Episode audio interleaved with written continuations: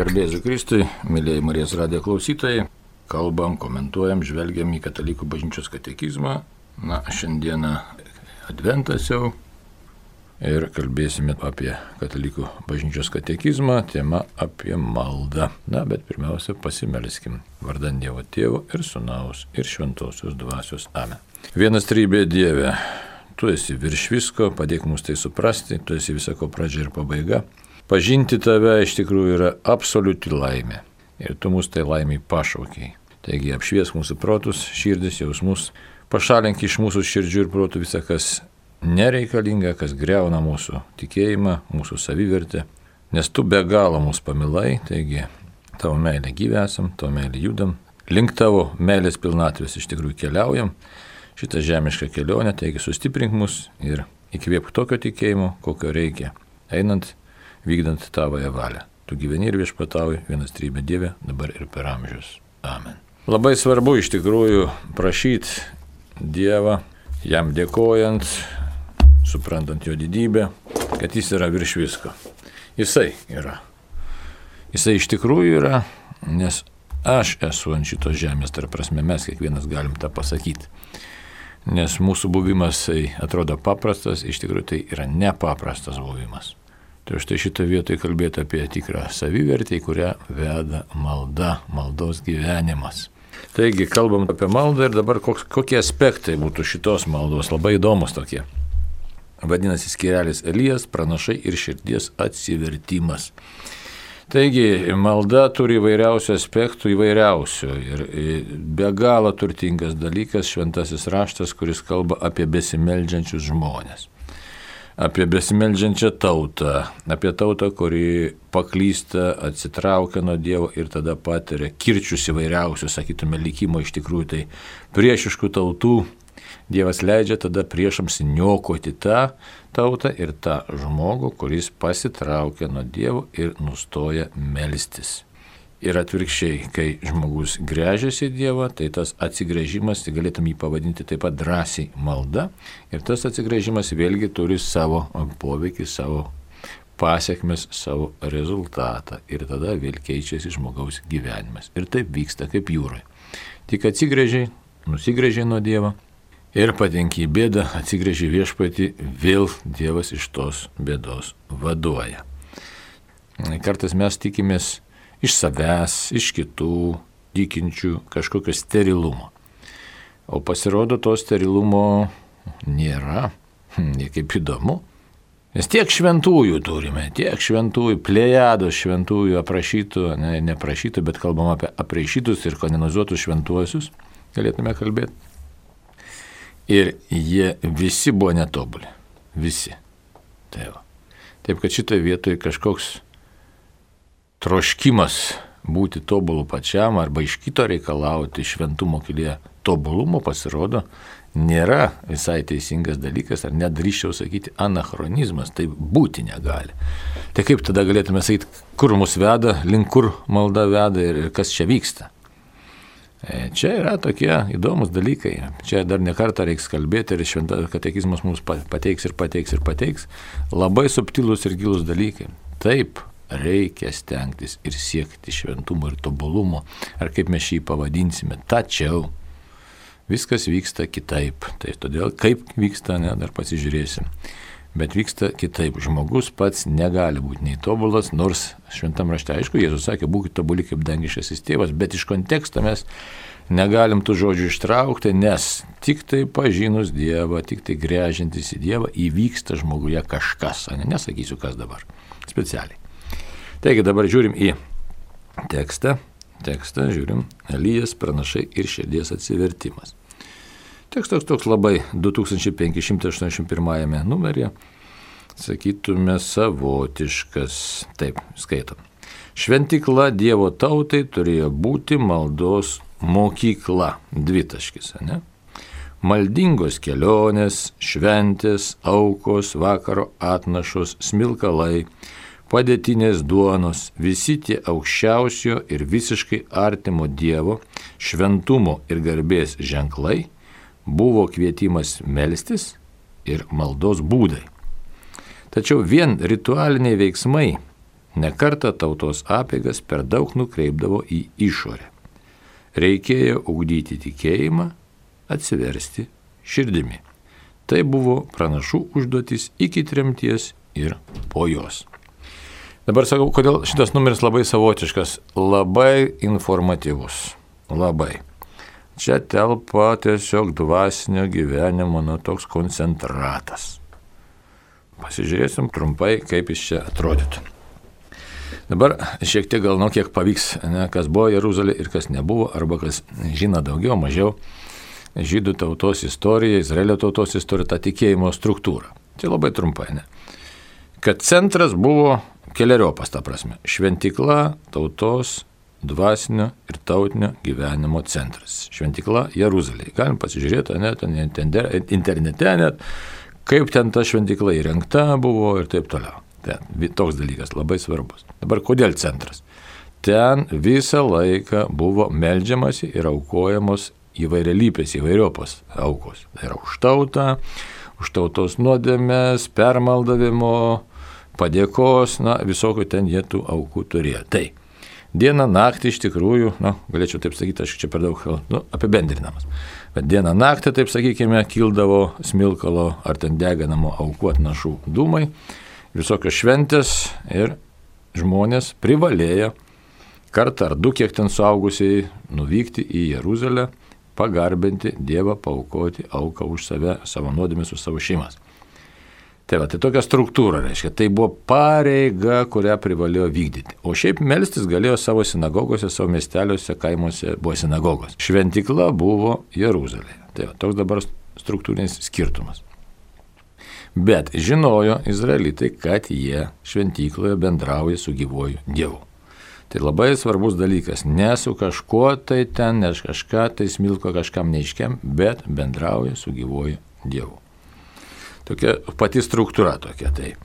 Ir tas ėjimas, dabar kodėl čia ir sako, maldingos kelionės. Štai, kad buvo privalomos maldingos kelionės. Ir kai mes skaitom, kad jau vaikas Jėzus 12 metų ėjo su tėvais į šventyklą, į Jeruzalę ir paskui grįžtant ne, neberado jo, kas pasiliko šventykloje.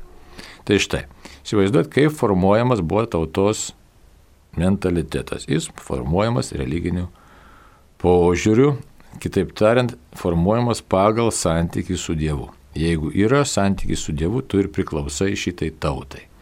Nėra santykio su Dievu, tu jau atkritai nuo tautos, nuo sociumo, nuo visuomenės. Viskas tu kažkoks kitoks atsiskyrėlis esi. Tai dabar čia labai tokį randam nusvarbų dėmenį, kad berniukai ir ne tik berniukai, bet ypatingai vyriška šita dalis, tai jiem buvo griežtai prisakyta, ne, privalai atlikti į, kelionę į Jeruzalę. Kiekvienais metais, ne, du ar, dabar bijau pameluoti, ne, ar kartą ar du. Kartą tai tikrai. Man atrodo, kad du. Tai va, taip, kad turėjo būti tokia, tokia kelionė turėjo būti. Besimeldžiant, ne šiaip savo pasivaikščiojimas, bet susitikti su Dievu ir paukoti auką. Prieš tai dar pasirengimas, aišku, neapsivalymo įvairiausios apėgos tenai. Šie drabužiai taip toliau, sąžinės apvalymas. Drabužiai, nelies ten to, nedaryk ką, padaryk tą, padaryk kitą. Reiškia, visa eilė taisyklių. Taigi ta maldinga kelionė virsdavo tam tikrų, na, sakytume, ritualų rinkiniu, bet tas rinkinys ne šiaip savo padarytas, bet kad tu prieš Dievą turi atsistoti kaip tas, kuris pagarbina Dievą ir kurį Dievas nuteisina iš savo maloningumo. Tėva. Ir štai e, tas tautos mentalitetas formavosi, kad štai turim stovėti prieš gyvąjį Dievą kaip teisūs, kurie visame kame kreipiasi Dievą ir pasitikė Dievu. Tai štai todėl šventikla Senajam testamente turėjo ypatingą vietą ir sako, šventikla Dievo tautai turėjo būti maldos mokykla. Kur čia mums dabar yra e, toks na, niuansas e, katalikams labai svarbus, tos, kai dar, aišku, panagrinėsim, bet jau užbėgant už akių galima pasakyti, kad Mums taip pat reikalinga maldos mokykla, kuri vestų į santyki su gyvuoju Dievu, į gyvą santyki, į santyki su asmeninį santyki su asmeniniu Dievu. Ne šiaip su kažkuo tai menamu ar dar kažkokiu, bet su Dievu, kuris kalba, kuris yra gyvųjų Dievas. Tai čia jau taip toliau, taip toliau žinom, galim, galim plėsti ir plėsti, ne, mintį. Toliau šventės. Šventės irgi nebuvo šiaip savo kažkokios tai ten e, pasilinksminimo šventės, bet religinės šventės, kurios žymėjo tautos įvairiausius svarbius įvykius. Tai įvairiaus, įvairiausi svarbus įvykiai. Pavyzdžiui, ne, kaip e, perėjimas iš jau Egiptoje per Raudonąją jūrą, tai žinom, Pascha, ne? ypatingas įvykis, ypatingas. Paskui kitų ten švenčių buvo įvestų įvairiausių, kuriuoms taip pat reikėdavo pasiruošti, pasiruošti tom šventėm, pasiruošti atitinkamų būdų. Ten valgyti ar nevalgyti raugintą duoną, e, bet ne tik, reiškia, apsivalyti, apsiplauti, paukoti auką. Žodžiu, visas tas ritmas gyvenimo, kuris vėlgi nukreipdavo į tiesiog žvilgsnį ir vidų nukreipti, turėjo nukreipti į santykių su gyvuoju Dievu, kokiu Dievu. Visą laiką prisimenami patys pagrindiniai įvykiai, nesakysim, ar ten laimėtas mūšis prieš kažką, tai ne kaip sako įvesta šventė. Aišku, tas pats perėjimas jau, čia jau be jokio abejonių, kuris kreipia žvilgsnį į gyvąjį Dievą, kuris išvedė iš Egipto žemės, iš nelaisvės namų, ne kaip ir prisimenam, kas anksčiau mokėsi kad e, katalikų katekizmą Baltaroko sustatyta ten ir buvo pamta ta frazė iš Seno testamento. Reikdavo dar ją ir išmokti. Mums, katalikams, reikdavo išvedė iš Egipto žemės iš nelaisvės namų. Tai kitaip tariant, ką Dievas padarė, reikia mūsų gyvenime, šitą reikia prisiminti, atšvesti, jį pašlovinti, padėkoti, jį pagarbinti Dievą ir tuo gyventi tais Dievo stebuklais, kad tai yra gyvasis Dievas, kuris mumis rūpinasi. Tai čia labai svarbus tiek tų maldingų kelionių, tiek tų švenčių motyvas. Ir dabar mums, kai mes irgi švenčiam savo katalikiškas šventes, tai irgi turėtų būti tas labai svarbus motyvas. Kas yra Dievas? Ką jis padarė mano gyvenime? Įsivaizduojat, nes neretai mes švenčiam šventes, ar čia dabar Kalėdos artėja, ar kokios kitos šventės, e, na, Velykos, ar, ar nu, sėkminės. Bet komercija pilna vyksta, o ar mes paklausėm savęs, su kuo susitinku, su kuo su Dievu? Ana. Kokiu Dievu? Ir ką tas Dievas mano gyvenime padarė? Ar kyla toks klausimas? Galim pamatyti, kad kartais nekyla tokio klausimo. Ir tokia arogancija gali, kitas net gali galbūt pagalvoti, kad čia Dievas nieko nepadarė mano gyvenime. Ne? Tai bus absoliutus melas, išdidumas, visiška puikybė, nes mes turėtume visur išvelgti vedančią, vadovaujančią, globojančią Dievo ranką, jo rūpestį, jo artumą.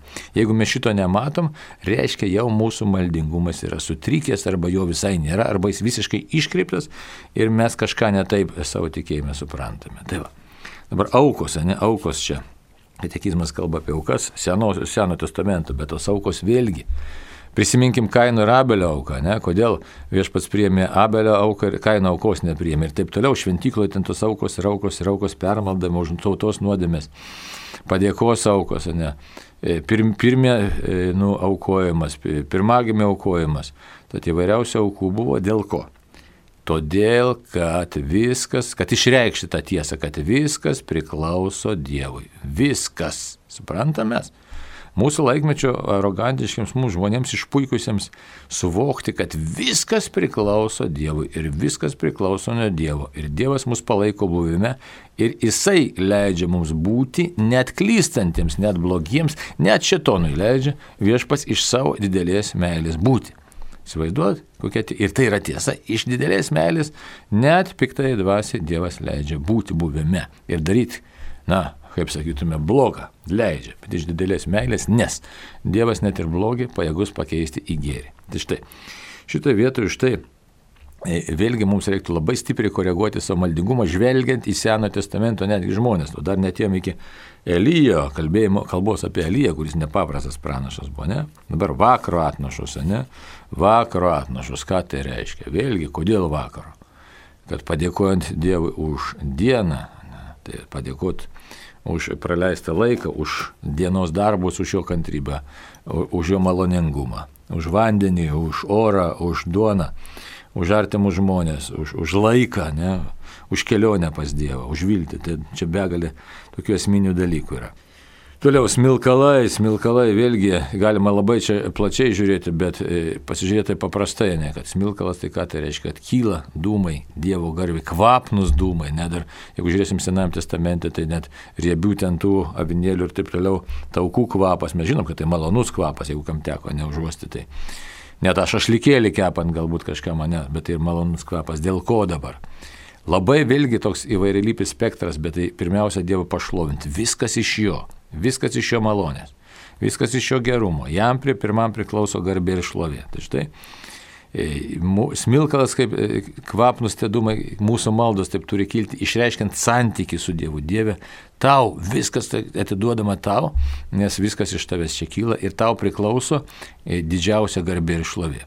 Tai štai tie ritualiniai ženklai, ne, kurie buvo Seno, Seno testamento šventykloje, jie turėjo kreipti širdį, žmogaus širdį teisingą linkme į vėlgi kartu į, į santykį su gyvuoju Dievu ir į gyvą santykį.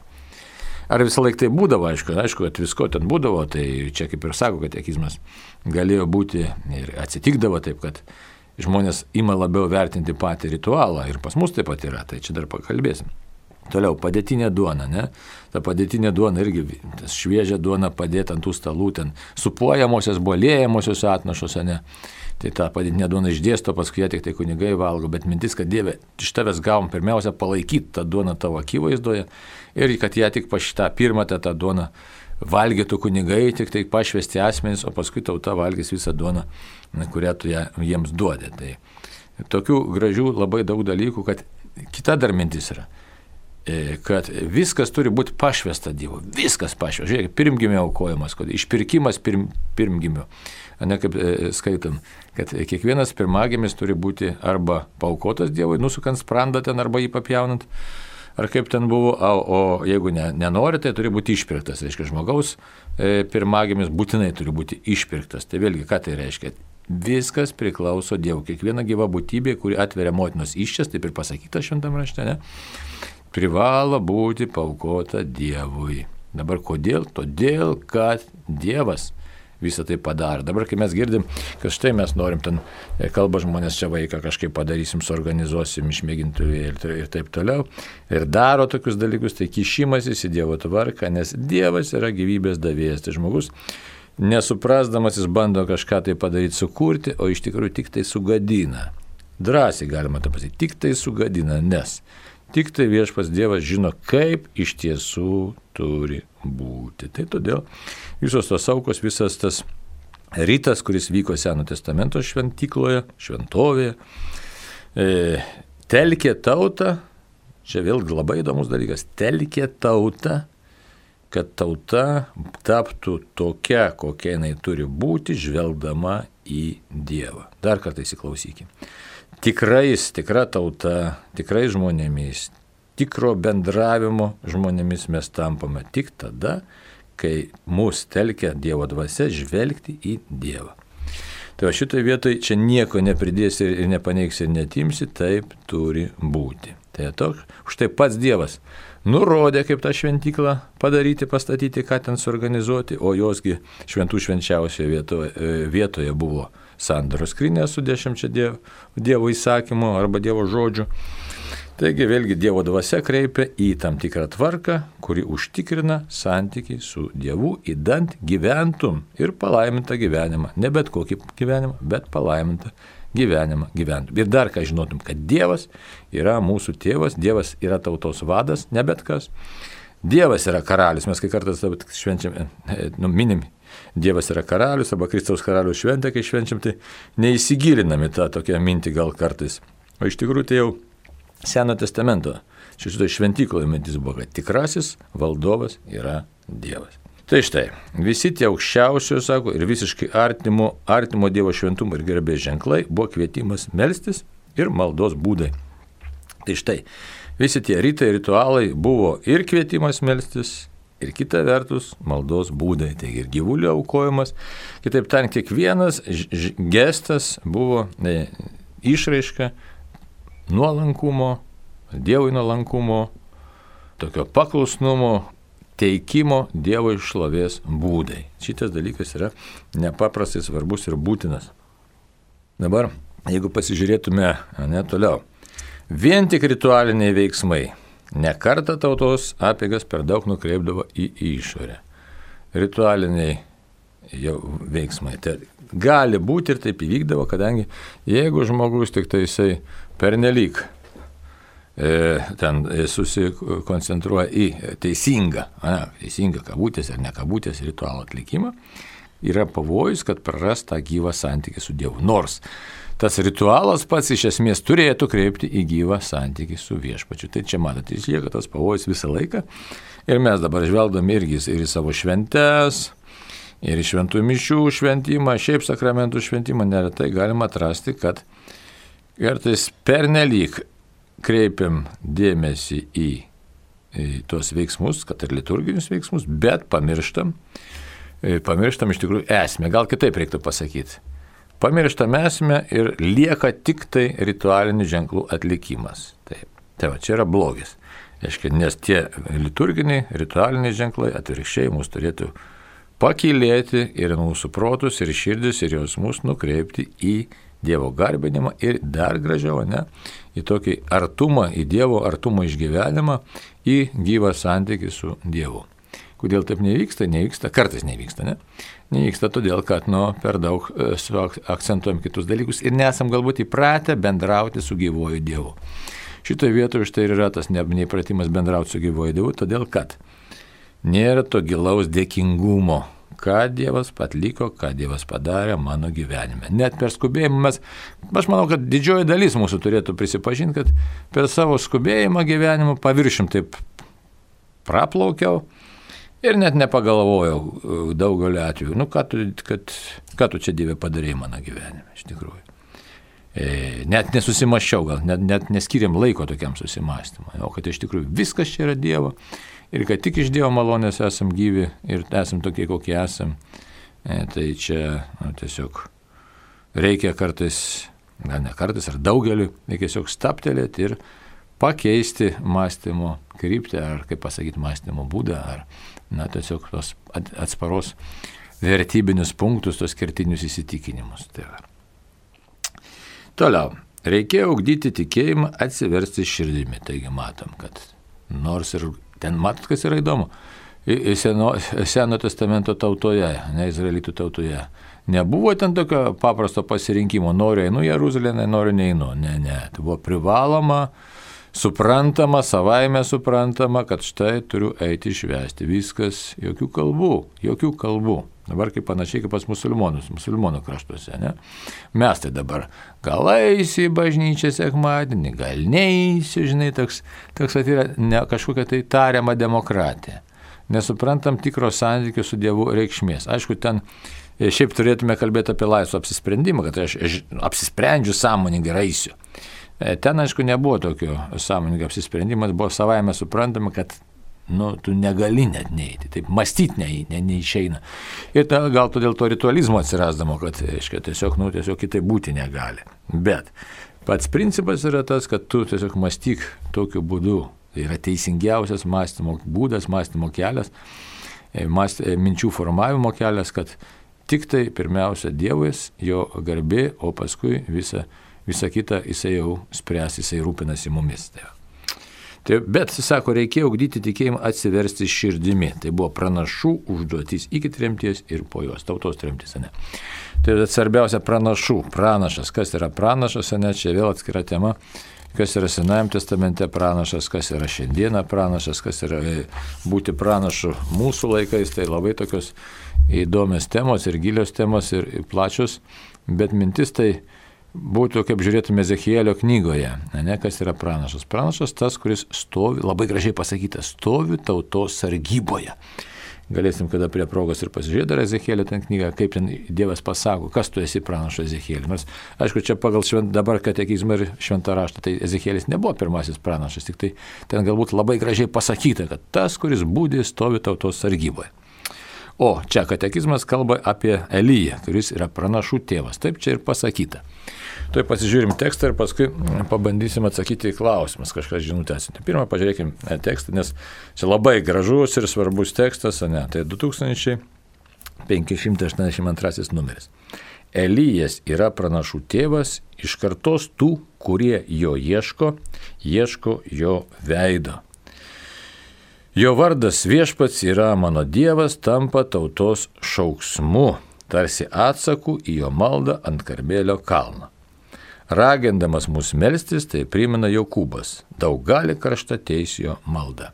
Dabar trumpas numerėlis, keturi tik tai keturios eilutės, tačiau labai daug informacijos ir labai daug švento rašto čia randame. Tai aš net rekomenduočiau, kas na, mažiau skaitęs yra Senąjį testamentą, tiesiog atsiversti ir pasiskaityti. Pabandysiu trumpai pristatyti situaciją, bet nu, nelabai ne, ne pavyks čia taip, e, manau, aiškiai išdėstyti, nes čia labai daug informacijos pateikta keliais sakiniais.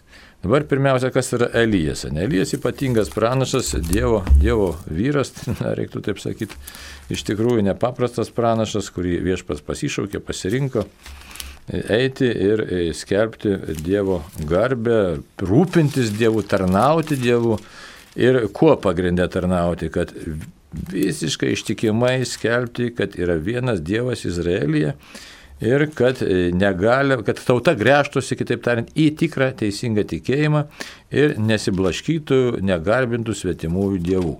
Tai toks, aiškiai, Elijo gyvenimas. Dabar kokios galios tas pranašas? Tai nepaprastos galios pranašas yra. Dievas jam suteikė, aiškiai, tokias galias. Jeigu mes dabar kur čia žiūrėtume, jeigu žiūrėtume iš tikrųjų, čia yra e, e, pirmoji karalių knygoje, skirelis yra pasakojimai apie pranašus, tai prisiminti pirmą karalių knygą, ne 17 puslapį, e, atsiprašau, 17 skirelis.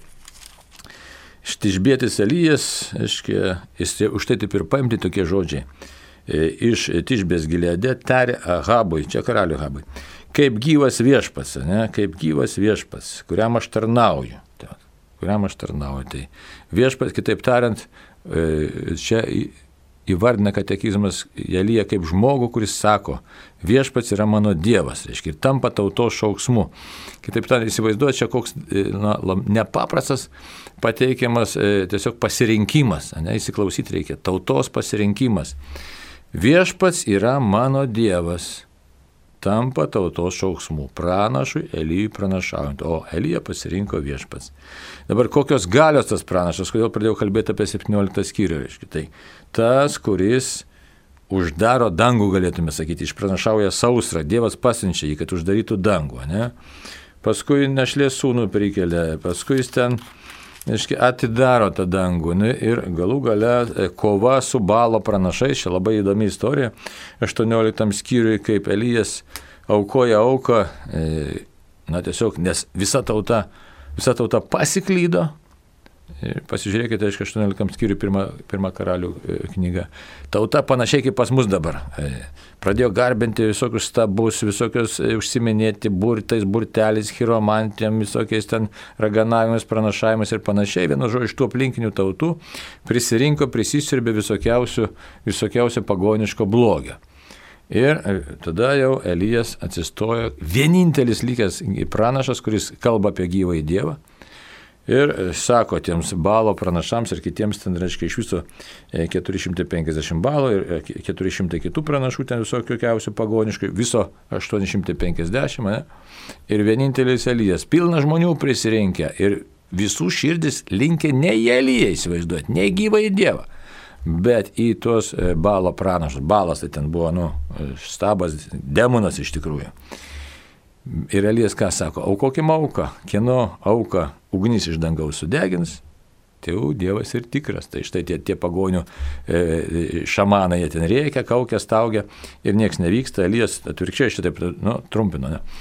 Elijas ne tik tą auką, kad ja, padeda e, be jokios ugnies ant aukuro, bet dar vandenio apipilą, stipriai vandenio apipilą. Ir e, meldžiasi, ugnis iš dangaus aukurą, au, ir rauką, ir aukurą sudegina, ir žemę išdžiavina, tada jau tauta sako, taip, šitas mūsų yra viešpas. Kitaip tariant, per Elijo pranašystę ir jo maldą, ir jo auką, tauta sugrįžta prie Dievo, sugrįžta prie Dievo, įsivaizduojat. Ir tada kas įvyksta? Tada Elijas sako, griebkim tos balo pranašus, čia kaip pasakyta tiksliai. Tai va, sako, griebkim, čiupkite balo pranašus, ne vienam neleiskite pabėgti. Ir visi tie šamanai iš tikrųjų pranašai buvo sunaikinti, tai žiaurokai skamba, bet taip. Ten, sako, realijas ten jos nužudė, aišku, ne pats, bet jo nurodymu. Tai štai šitoje vietoje, kas yra tauta, sugrįžta per e, Dievo malonę, iš Dievo malonės, per pranašo veikimą sugrįžta būtent išpažinti tą patį esminį dalyką, viešpas yra mano Dievas. Jis sako taip gražiai, kad tikizmas netampa tautos šauksmu. Tarsi atsaku jo maldant Karmelio kalną. Tai čia ir nurodymą, matom išnašą, ne? Pirmą karalio 18 skyrius 39 eilutė. Viešpats yra Dievas, tik viešpats yra Dievas.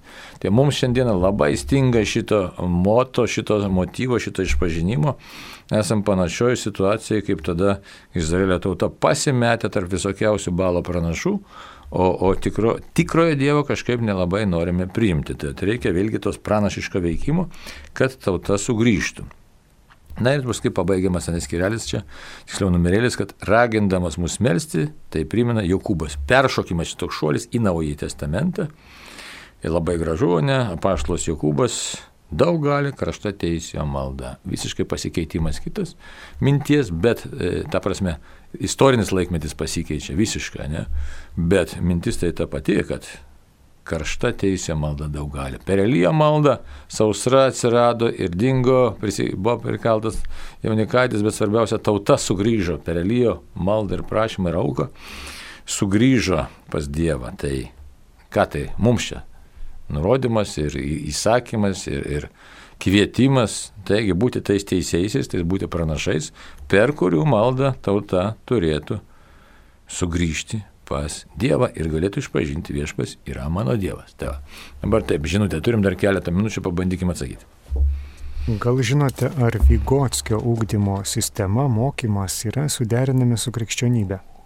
Niekad negirdėjau, atsiprašau, reiktų pasidomėti. Mato dabar pilna įvairiausių, įvairiausių mokytojų ir negali žinot, kas stovi už jų ideologijų, nes labai daug tokių susipinusių dalykų, supintų ir ir tu net negali žinot, kas ten, kaip yra, kiek ten. Kartais atrodo gražiai tie dalykai, o jie būna, na, tiesiog paskui išlenda kokią nors ezoteriką, žinai. Ar dar turim klausimą?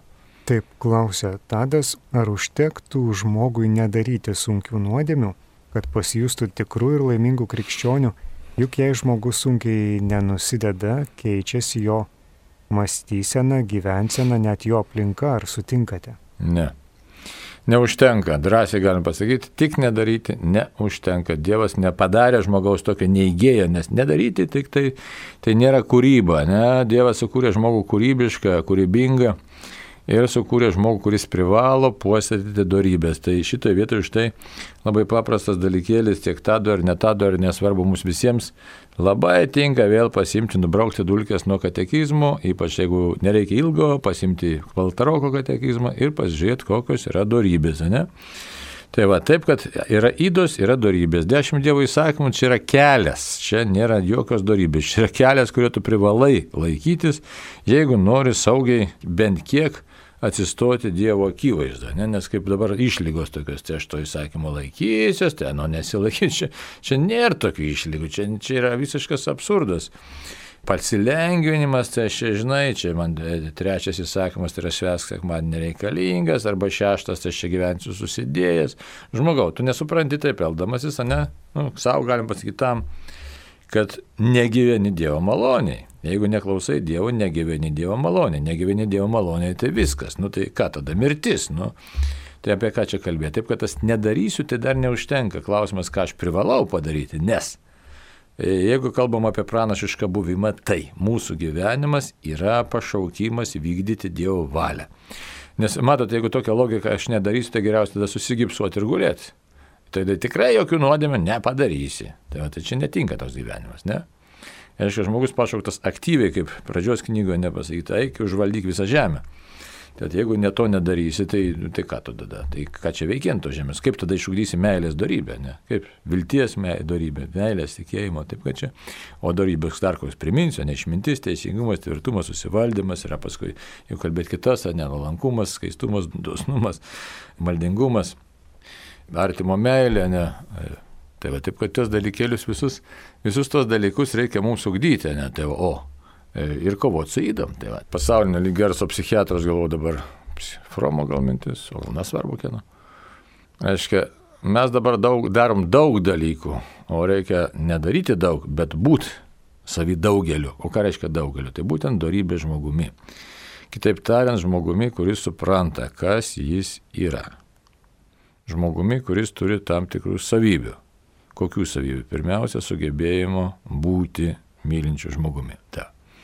žmogumi, kuris turi kantrybės, kitaip ten vėl kitas darybės, ne, na, prisiminti, nuolankumas, ne, dosnumas, skaistumas, romumas, maldingumas, artimo meilė, susivaldymas valgant ir geriant, ne, čia jau, bet čia visų dar neišvardinom, čia ne tik tai. Tai tas šitos, ne, tai dabar pasižiūrėt, kas su mano nuolankumu, kas aš per žmogus, ne, dabar mes nesam prekė, suprantate, iš mūsų padaro prekę, o mūsų kūnas iš esmės jisai sunyks, nes skirtas mirčiai, bet ir skirtas prisikėlimui. Tai šiaip tai žiūriu į laiką dar, bet mintai liko, bet toks yra paradoksas. Ne? Dabar labai į madą įėjo tas e, kremavimas. Nu, krikščioniškai žiūrint nelabai jisai ten tinka, bet vienu atžvilgiu tai jis man patinka, vienu atžvilgiu. Kodėl? Labu, žiūrėkit, prieš kelias valandas turėjai lavoną, po kelių valandų turi saują pelenų. Tai tokį galima net klausimą ir, ir laidotų metu, ir šiaip savo iškelti. Tai kur tas žmogus, ne, buvo tik tai čia žmogus, čia savo pelenų, kas iš jo lieka lieka iš tikrųjų tik tas, ką žmogus, iš tikrųjų, kas, kas jo dvasinis žmogus buvo. Kas buvo dvasinis žmogus? Tas, kuris stovi prieš Dievą, tas, kuris gyveno darybėmis, pagrindinėmis darybėmis, ne, kur ką jis gero padarė, nes, nu, kitaip tariant, tai, kas turi vertę amžinybei. Tai va, viskas. Visa kita iš tikrųjų neturi jokios vertės. Ir turi tik tiek vertės, kiek mums padeda palaikyti sveikatą, kad mes galėtume, na, nepasakysiu taip šiuolaikiškai, kiek galėtume funkcionuoti, ne? kad nebūtume per daug sugriuvę, ir kad, na, tiesiog galėtume atlikti tai, ką privalom padaryti. Bet prekė būti ne mūsų pašaukimas yra, ne? Mūsų pašaukimas būti Dievo žmogumi, žmonėmis, kurie nedaro daug dalykų, bet būna, tiesiog sugeba spalvingai, sakytume, būti, ne? Į kiekvieną situaciją, o ką reiškia spalvingai? Į kiekvieną situaciją atsiliepti taip, kaip nori Dievas. Įsiklausyti reikia taip, kaip nori Dievas. O čia jau reikia išminties. O kokios išminties? A, kurie ateina iš šventosios dvasios. A, kaip davė šventosios dvasios iš, išmintį? Tik tai iš santykio su Dievu. O santykis su Dievu formuojamas per nuolankumą. Ačiū visiems už kantrybę ir Dieve vesk mums, duok mums reikalingų darybių iki sekančio susitikimo, jeigu Dievas norės sudė.